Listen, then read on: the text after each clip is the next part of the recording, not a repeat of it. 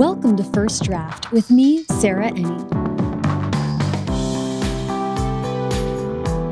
This episode is a panel put together as part of A Mighty Blaze's YA Weekend, a celebration of authors whose debut novels came out during this, the strangest of debut seasons. This panel, Grief and Trauma in YA, features a conversation between Joseph Moldover, author of Every Last Breath, Alex Richards, author of Accidental, Liz Lawson, author of The Lucky Ones, Rocky Callen, author of A Breath Too Late, and Nina de Pass, author of The Year After You. It's such an important and empowering conversation about going through a healing process by writing a book, how memory plays into grief and trauma, honoring the books that are on your heart, and publishing challenges for books that tackle sad and difficult topics. Everything that the authors talked about in today's episode can be found in the show notes. First Draft participates in affiliate programs, specifically bookshop.org. So that means if you shop through the links on firstdraftpod.com, you help to support the show and independent bookstores at no additional cost to you. If you'd like to donate to First Draft, either on a one-time or monthly basis, you can do that at paypal.me slash firstdraftpod.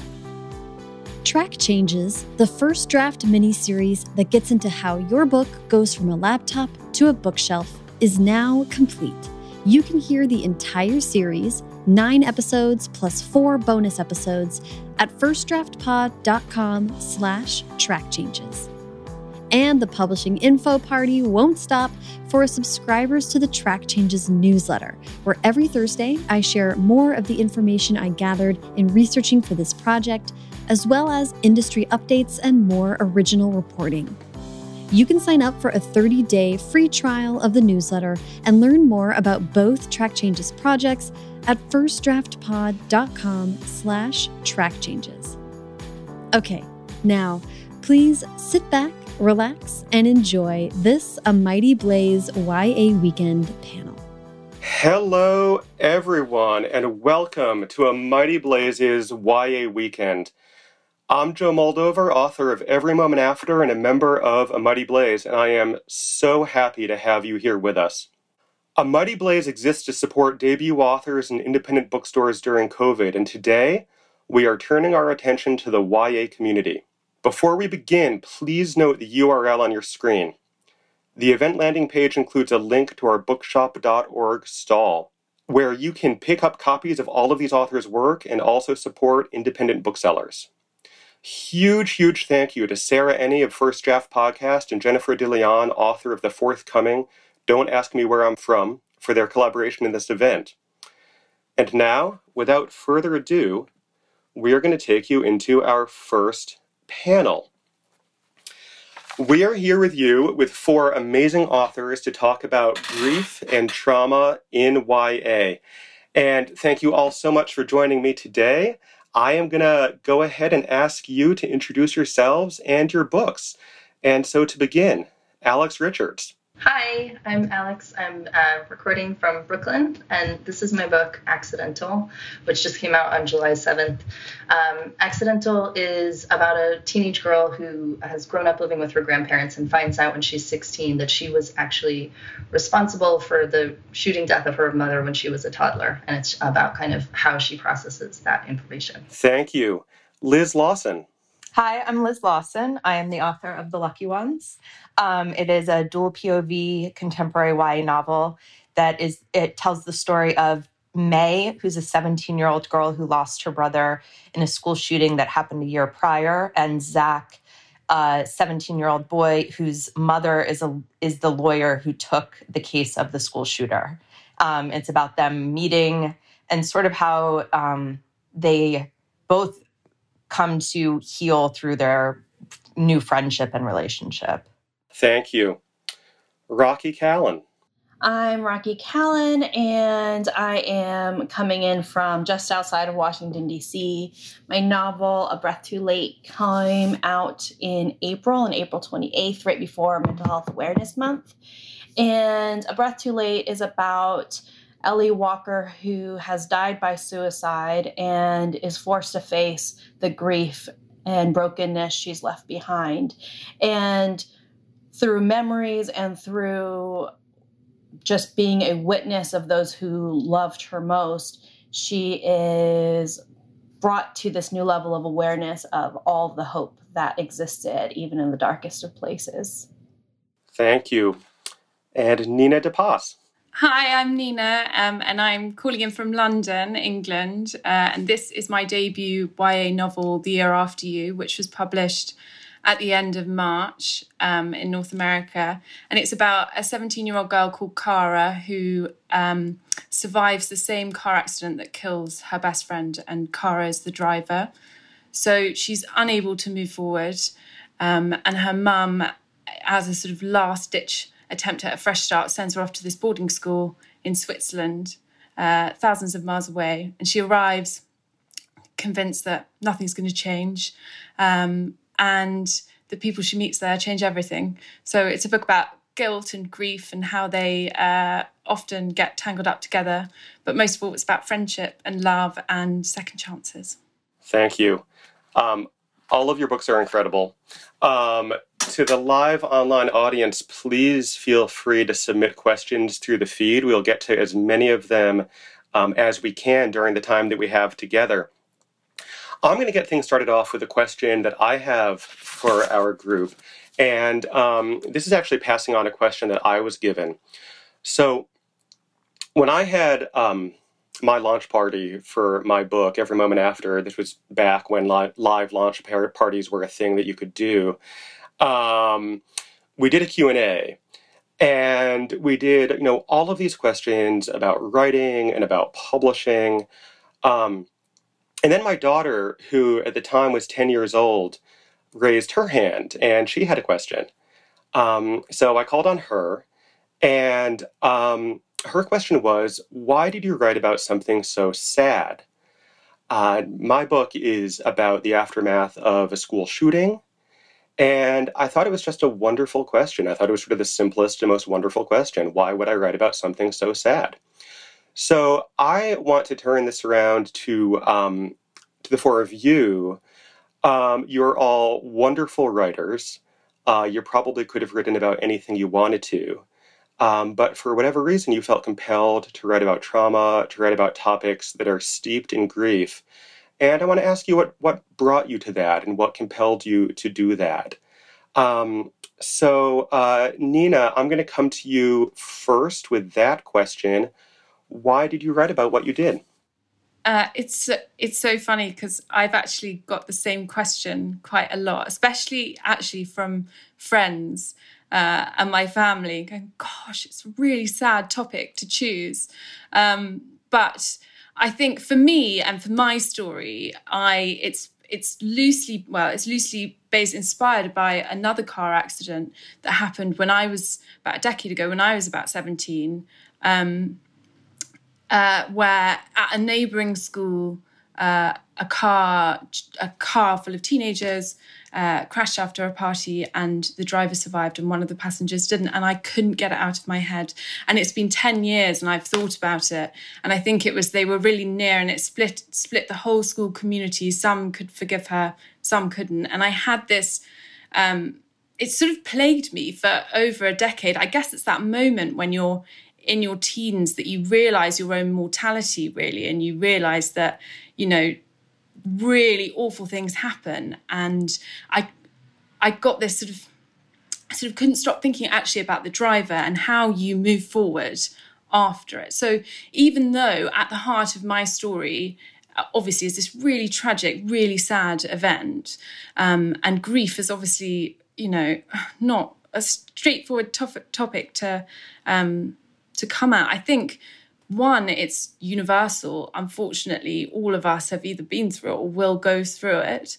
Um, and two, that I wanted to look at, you know, after and how to move forward and how to find a positive life even when something really really sad and really awful has happened. And I, think that's what interests me about it. So it wasn't so much the sadness of it, even though obviously that is at the heart of everything, it's also the after and the how do we move forward. That's a wonderful answer. And, you know, I mean, that's how I felt about my work as well. I mean, I think what you said when you said you couldn't get that out of your, couldn't get what had happened out of your head was, you know, very much the way that I felt about the event that sparked my book, which was the Newtown, Connecticut school shooting uh, you know, was something that I sort of couldn't let go of, couldn't let go of, couldn't get out of my head. That kind of stuck to me. And that question that you asked, how do you move on and how do you build a life uh, carrying grief with you, was entirely what was preoccupying me. Uh, that's a, uh, a fascinating answer. Thank you, um, Rocky. Um, what about you? So, just thinking about what you were saying about that after and that's really what a breath too late is all about as well is this tragedy has happened and we're given this rare opportunity to see what's been left behind after from her perspective. And for me my daughter asked me the very same question when i was describing my book to her um, and she's 10 years old too. And i feel that the actual writing of this book was me healing.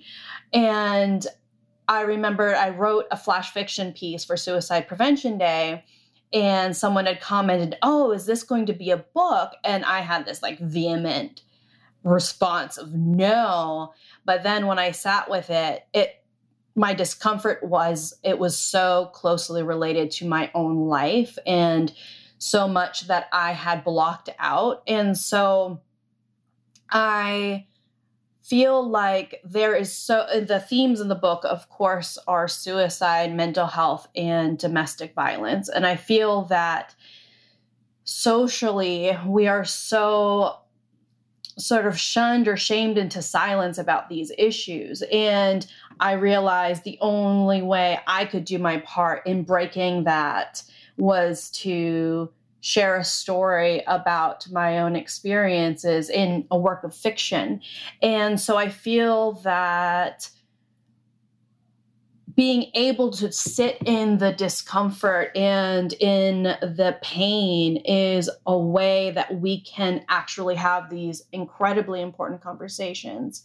And when I wrote the first draft, I wrote the very first draft, the ugly, messy, terrible first draft over the course of eight days. And I was ugly sobbing every single day because with every page, I was uncovering more memories that I had mm. blocked myself. And so I feel like so often as writers, we are going through a, our own healing process, our own discovery process, our own learning process as we write. But then we we wrap it up in a book and that's an opportunity for our readers as well and i really wanted to be part of that that conversation about these things that we so often don't talk about because only with those conversations can we start to heal collectively. I think that's so true, and I think I mean it was it, it sounds like it was a completely wrenching process to write this book, but it is it's a gorgeous book. And I, I mean, my day job is as a child and adolescent psychologist. And, you know, I really can't think of a depiction of suicide um, anything like it. It's really unique and gorgeous, and I just so appreciate that you created it. Um, and I think thank it's you. I think it's very important. I think it's very important to have it out there. So, thank you, Liz Lawson. Uh, first, I have to say I've read Rocky's book, and I completely agree. It, I read it in like twelve hours, it's just a beautiful, beautiful book. So I just had to get that out there. Um, in terms of the lucky ones and writing sad things, I I wanted to write about something that teens unfortunately experience and also fear a lot, um, pretty much constantly from a lot of the teens that I've spoken with. Um, and it was just really important to me to explore the aftermath because in in the school shootings it, when you look at a school shooting people always only focus on the event they say this is terrible and then most people move on but then the survivors are just left to deal with all this grief and trauma on their own. And nobody pays much attention to that healing process. So I wanted to explore that gap that kind of exists in, I think, in literature and also in our collective minds in terms of like the aftermath, the survivors, and what happens to the survivors. Um, I also wanted to write. I, I think it was very important to me to also write a sad book that had an angry character. Um, because May, my female protagonist, is a very angry person. And I felt like I, I hadn't seen very many young adult novel, novels, particularly, that have extremely angry female like main characters. And she has been through a lot and she is mad about it. She's not, she's upset and sad. And anger, I know, is a, generally an emotion that covers other emotions, but she is working through her anger first. She's still at that stage. And so writing a sad book, but that's also an angry book, um, was something that I felt like I wanted to write for teenage girls out there who are angry. Yeah, uh, that's a wonderful response. May is an amazing character. She's very unique. She's very strong, but she's also vulnerable. Um, you know, I think of all of these books, yours is probably sort of has the most kinship to mine. I mean, mine is also a dual POV book that joins the survivors of a school shooting. In my case, ten years or eleven years after the shooting, as they're graduating from high school.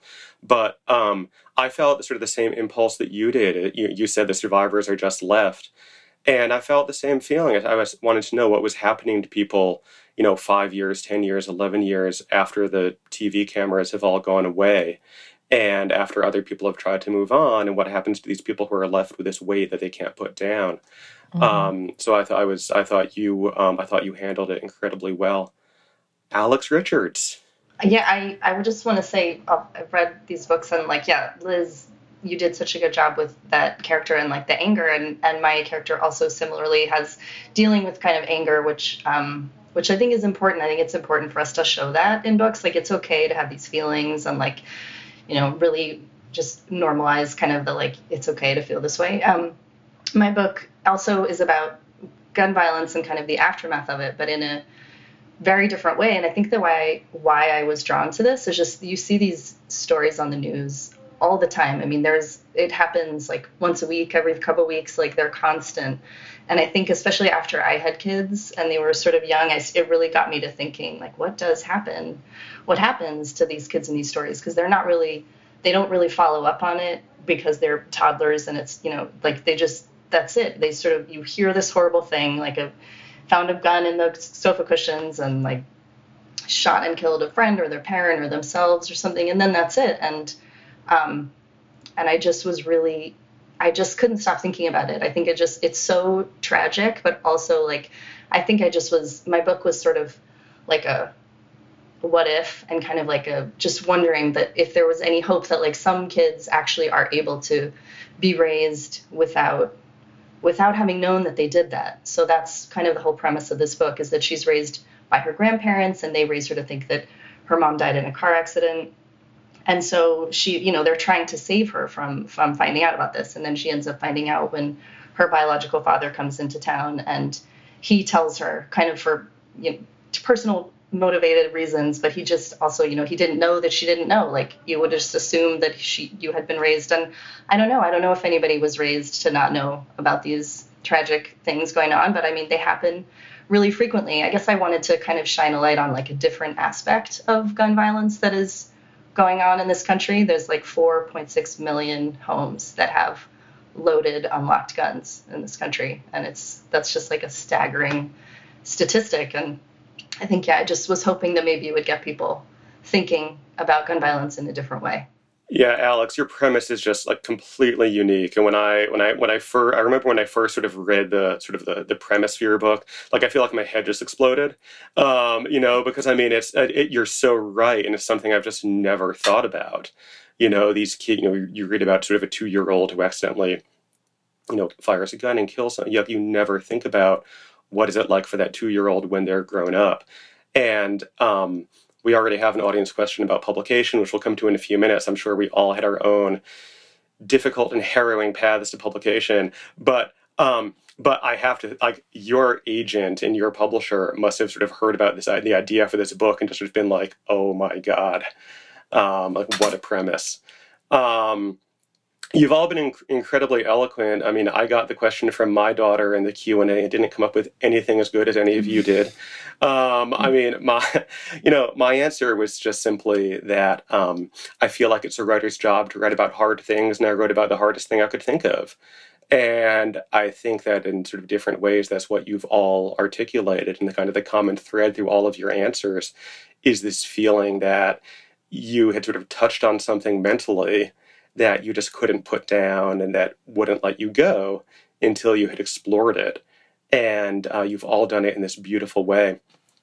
Um, before we come to the first audience question, which is a little bit more about um, kind of getting published and sort of the book business, um, I do have one more question of my own for all of you about the content of your books. So, one thing that strikes me about all of your books and that I thought about a lot as I was reading through all of them um, is that you all deal with memory in these really interesting and compelling ways.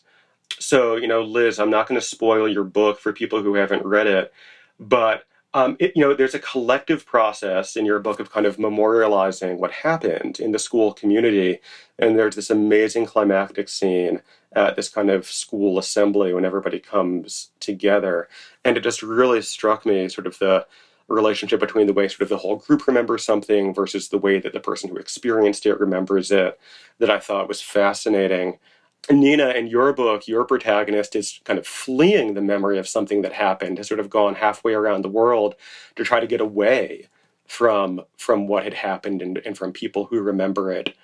Um, Rocky, your book is totally unique in that the character is kind of trying to put memory together and kind of piece together memory. Um, and then Alex, I mean, you just have this amazing idea of this character who can't have a memory of what happened because she was too young and then has built her whole like life narrative around um, what people have told her because she can't remember it and then it turns out what they told her is wrong. And so i mean for, for all of you this idea of sort of how do we remember trauma? How do we deal with the memories of trauma? How should we memorialize painful things it's just in all of your books. And so I, I, just, I, wondered if you would say a little bit about the way that you thought about that and the way you look at that. Um, Rocky, I'm going to come to you first with um, with that question. Memory became such a centerpiece of A Breath Too Late, partly because my own experience of writing and recollecting memory was such an overwhelming experience for me. And it made me realize when you go through chronic trauma, uh, such as domestic violence, you you are constantly putting band-aids and you're constantly trying to avoid or escape pain and you're trying to find the best way to to do that. And then other times the pain just will become so big it eclipses the good memories. And so what i wanted you know at, at the point we we know ellie her life is is lost. It's it's gone. And all she has left are her memories. And she doesn't remember what led up to that moment. And as she's reconstructing her her past she one sees the tremendous pain that she lived through but also memories from her childhood memories you know all the way up right until the very last day where there was so much light there if only she could have clung to it if only she could have, have held on to it. And i think that when we look at trauma trauma does so many things to our brain. It does so many things to how we what we believe about ourselves, what we believe about our life, what we believe our role in life is, and the trajectory of our life. And I wanted to show the importance of really being an being so fierce in your search for the good things being so fierce in the the desire to understand. And for me that's what memory played. And then in terms of um in terms like as that all played out you know at the point of where ellie is as a 17 year old young woman she has had this picture of who her mother is and who um, you know, if she's weak or strong, if she's a friend or a foe, like all these different things because of what she chose to focus on in her own memory. And then as she's uncovering these pieces, she realizes the backbone her mother had, the the ferocity of her mother, even if it was in secret, and how if we were able to communicate these things to each other, how much how much we could understand more deeply. And so memory of very much plays a huge role. And I think that it plays a huge role in all of our books because the understanding of those memories is is so impactful in life in general. That's really beautiful. Liz, what are what about you? I have always been fascinated by memory. Um, I think it's so interesting how two people can experience the same event and remember completely different things about it. You know, it like Rocky said, it's kind of all what you choose to focus on, right? And you know, at first when I was writing the Lucky Ones, I actually wanted to lean even more into the memory and have it sort of I don't know if you guys ever watched the show The Affair on HBO, but it's it's deals a lot with memory in terms of like different characters. They explore the same scene from the perspective of different characters.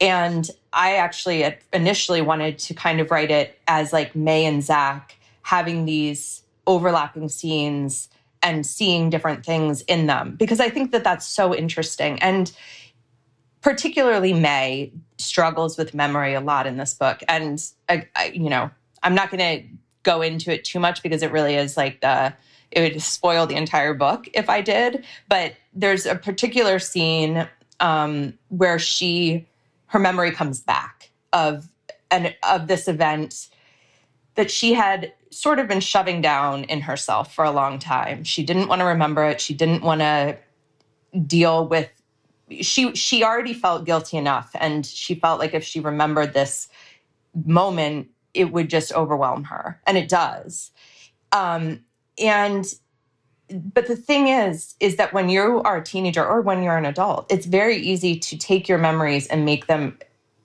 guilt you. It's very easy to say i remember everything i did wrong and nothing that i did right. And so it's the the lucky ones kind of explores may getting her memories back but also starting to remember the good things also. There's a scene toward the end when her best friend Lucy comes and reminds her of all of these good times that she had with her brother. And that's a huge part of her heal of her starting to heal from all of the events that have come pre- previously because she remembers like it wasn't all just bad. She wasn't a terrible sister. This isn't all her fault. And so memory is such a balance and you really like rocky said you have to force yourself almost to get in the habit of exploring the positive and the good. And that's what May starts to move toward, at the end of the book.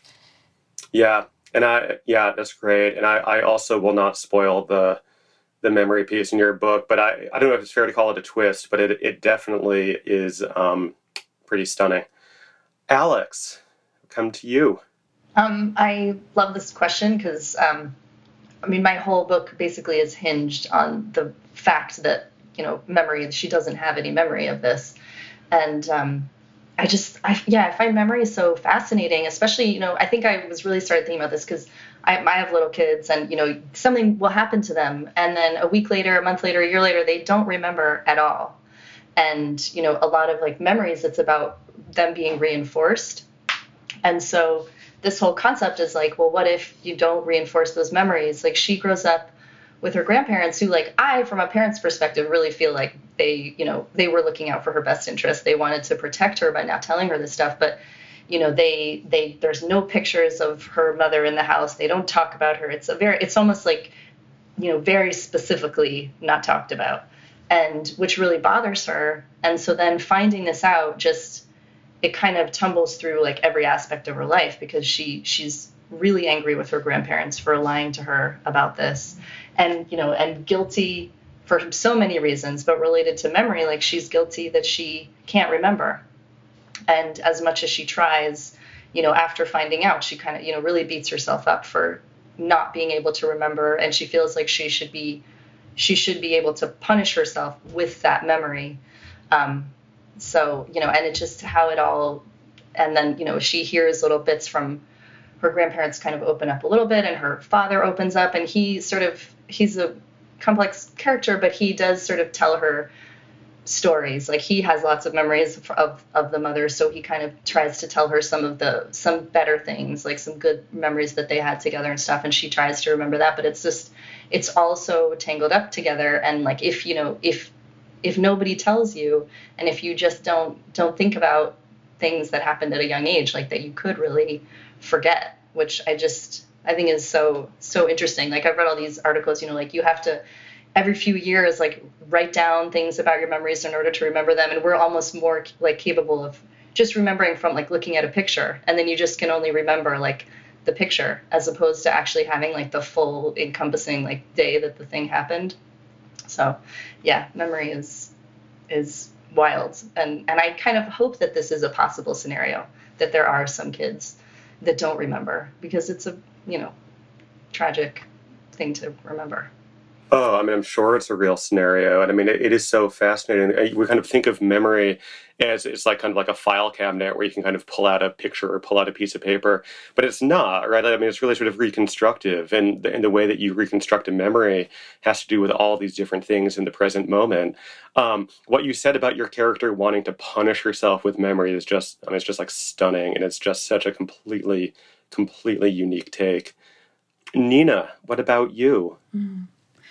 Well, I think I don't know. I think what you say, what you were saying, Alex, about um, the sort of forgetting is quite. I think that there's a, there is a power in forgetting too, which is I think part of what my character Kara uh, fall, falls into. Really, it's just that the memory of what happened that night is is something that she just can't engage with at all, and in some ways, that's what holds her back, I guess, in terms of being able to process it and feel what she needs to feel and talk about the friend that she's lost and grieve properly. And she just can't, she just can't engage with the memory. And as the book goes on, I'm really nervous here that I'm going to give away something that ruins it, but that she she she tells a version of the night in question. And what you discover is that she's not necessarily that reliable a narrator of it. And I think in that, the the interesting thing is about when we look at all these traumatic and really like pivotal moments in our lives is that sometimes you you you tell yourself something about that memory and you can convince yourself of anything. You can really distort and tweak memories in a way that is quite terrifying when you think back to, I don't know, moments of your life. And I always have it with my sister, and we talk about the same day. It's like what you were saying, Liz, about how two people can see things differently. And we always have these little arguments about what actually happened, but you can, you can see a totally different, you know, side of something. Um, version of something that's really horrific if you just can't accept it. And I think that um, what what I was interested in looking at in my book is uh, kind of that acceptance of that, and actually looking and digging back and actually accepting what really happened and how that is something that can help you move forward. But I think the other thing that's interesting about memory is um, when you are trying uh, the the other you know thing that's really linked in with grief is that um, definitely something that I've felt in my personal life of uh, people I've lost is that you feel that by moving forward and and lose you know moving forward without them you're forgetting them. And uh, I definitely wanted to look at that in the book um, where Kara, the main character, doesn't really part of her doesn't really want to move forward because she feels like she's leaving behind the friend, and she needs to remember her for them to maintain that connection and that love that they have. So I think uh, memory and grief are just it's a it's a funny cocktail, really, isn't it? Yeah, yeah, that's amazing. It's such a fascinating topic. Um, we do have a couple of audience questions coming in, and believe it or not, we're going to start to run low on time. So I'm going to toss out as many of these as we can get to. And um, anybody who wants to take a swing can go ahead and, and offer an answer. First of all, uh, from a viewer, all of these authors wrote about such difficult topics. I wonder if there's a piece they felt they had to cut because it was too much or a place they couldn't go because it was too raw or intense. Does anybody have any sort of immediate thoughts about that? I want to comment on that because my original version of Breath Too Late was actually much more much more graphic, much more raw, much even darker um, in terms of the depiction of domestic violence.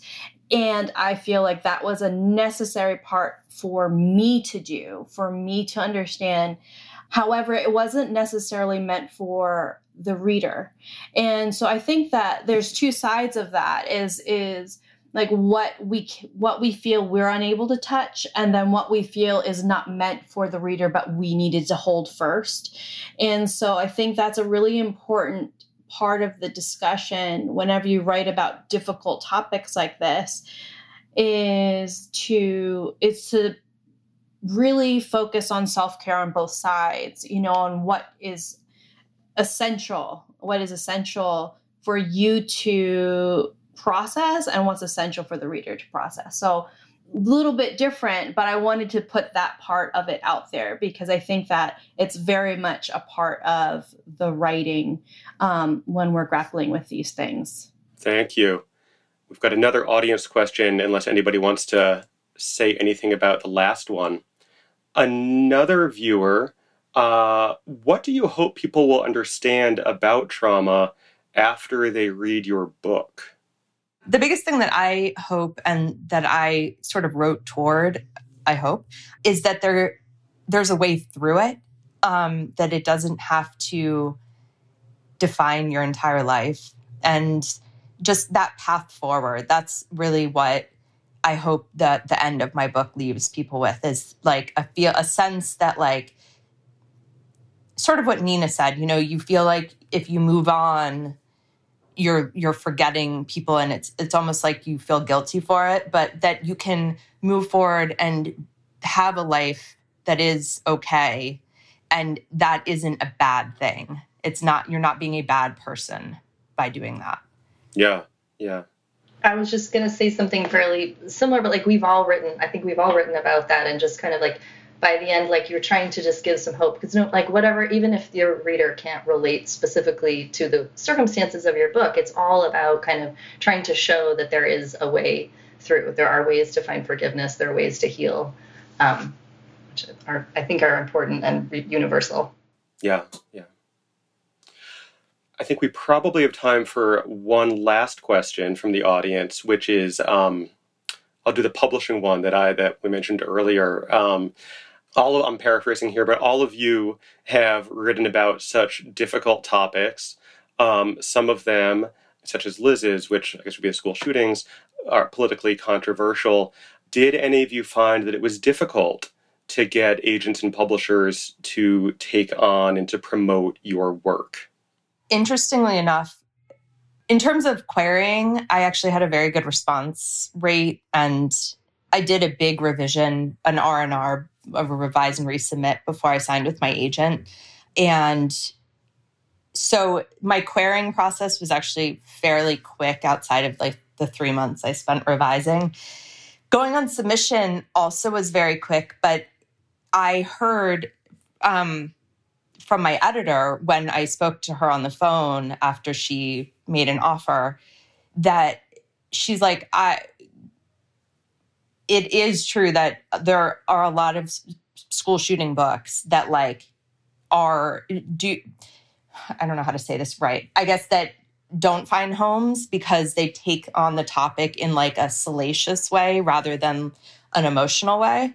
And so I think that it's all about how you write about hard topics, not that you shouldn't write about them, if if that makes sense.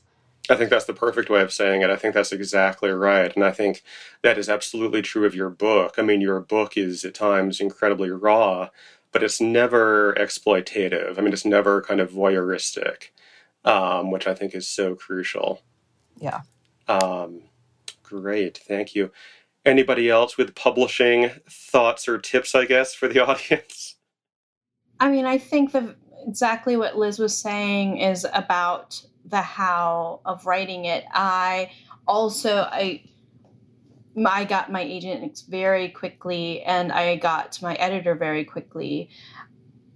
But we knew that a book about suicide would have would have people would have their reservations about it. And so all you can do is go in with as much heart and purpose and really be responsible how you tackle these issues.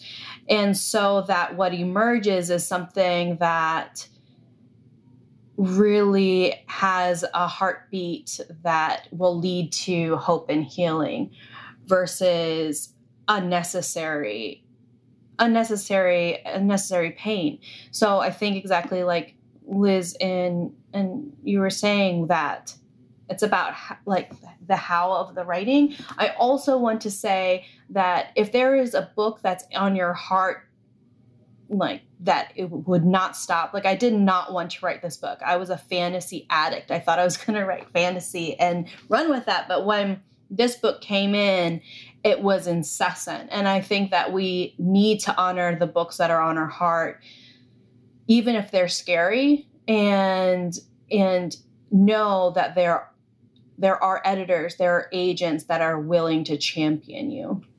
Yeah.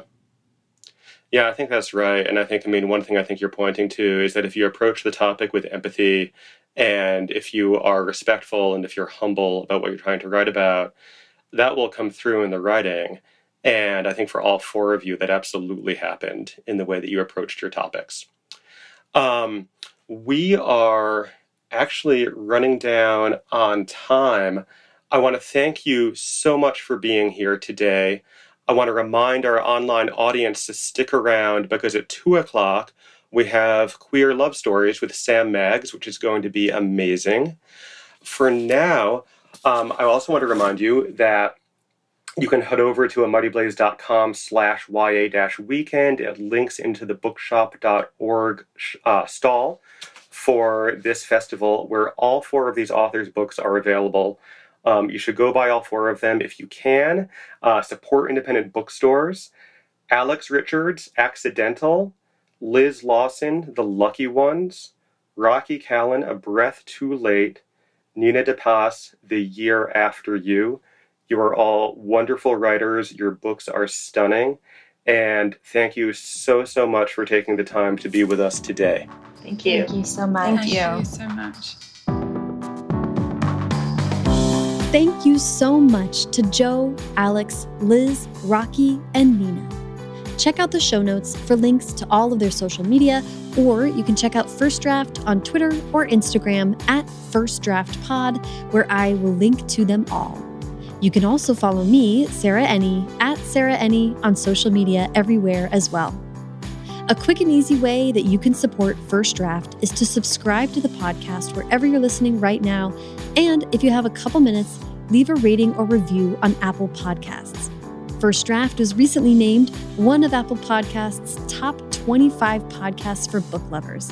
And I want to thank everyone who left ratings and reviews to draw attention to that show and uh, to make that possible. It was incredible, and I'm so grateful. Thank you. Haley Hirschman produces First Draft, and today's episode was produced and sound designed by Callie Wright.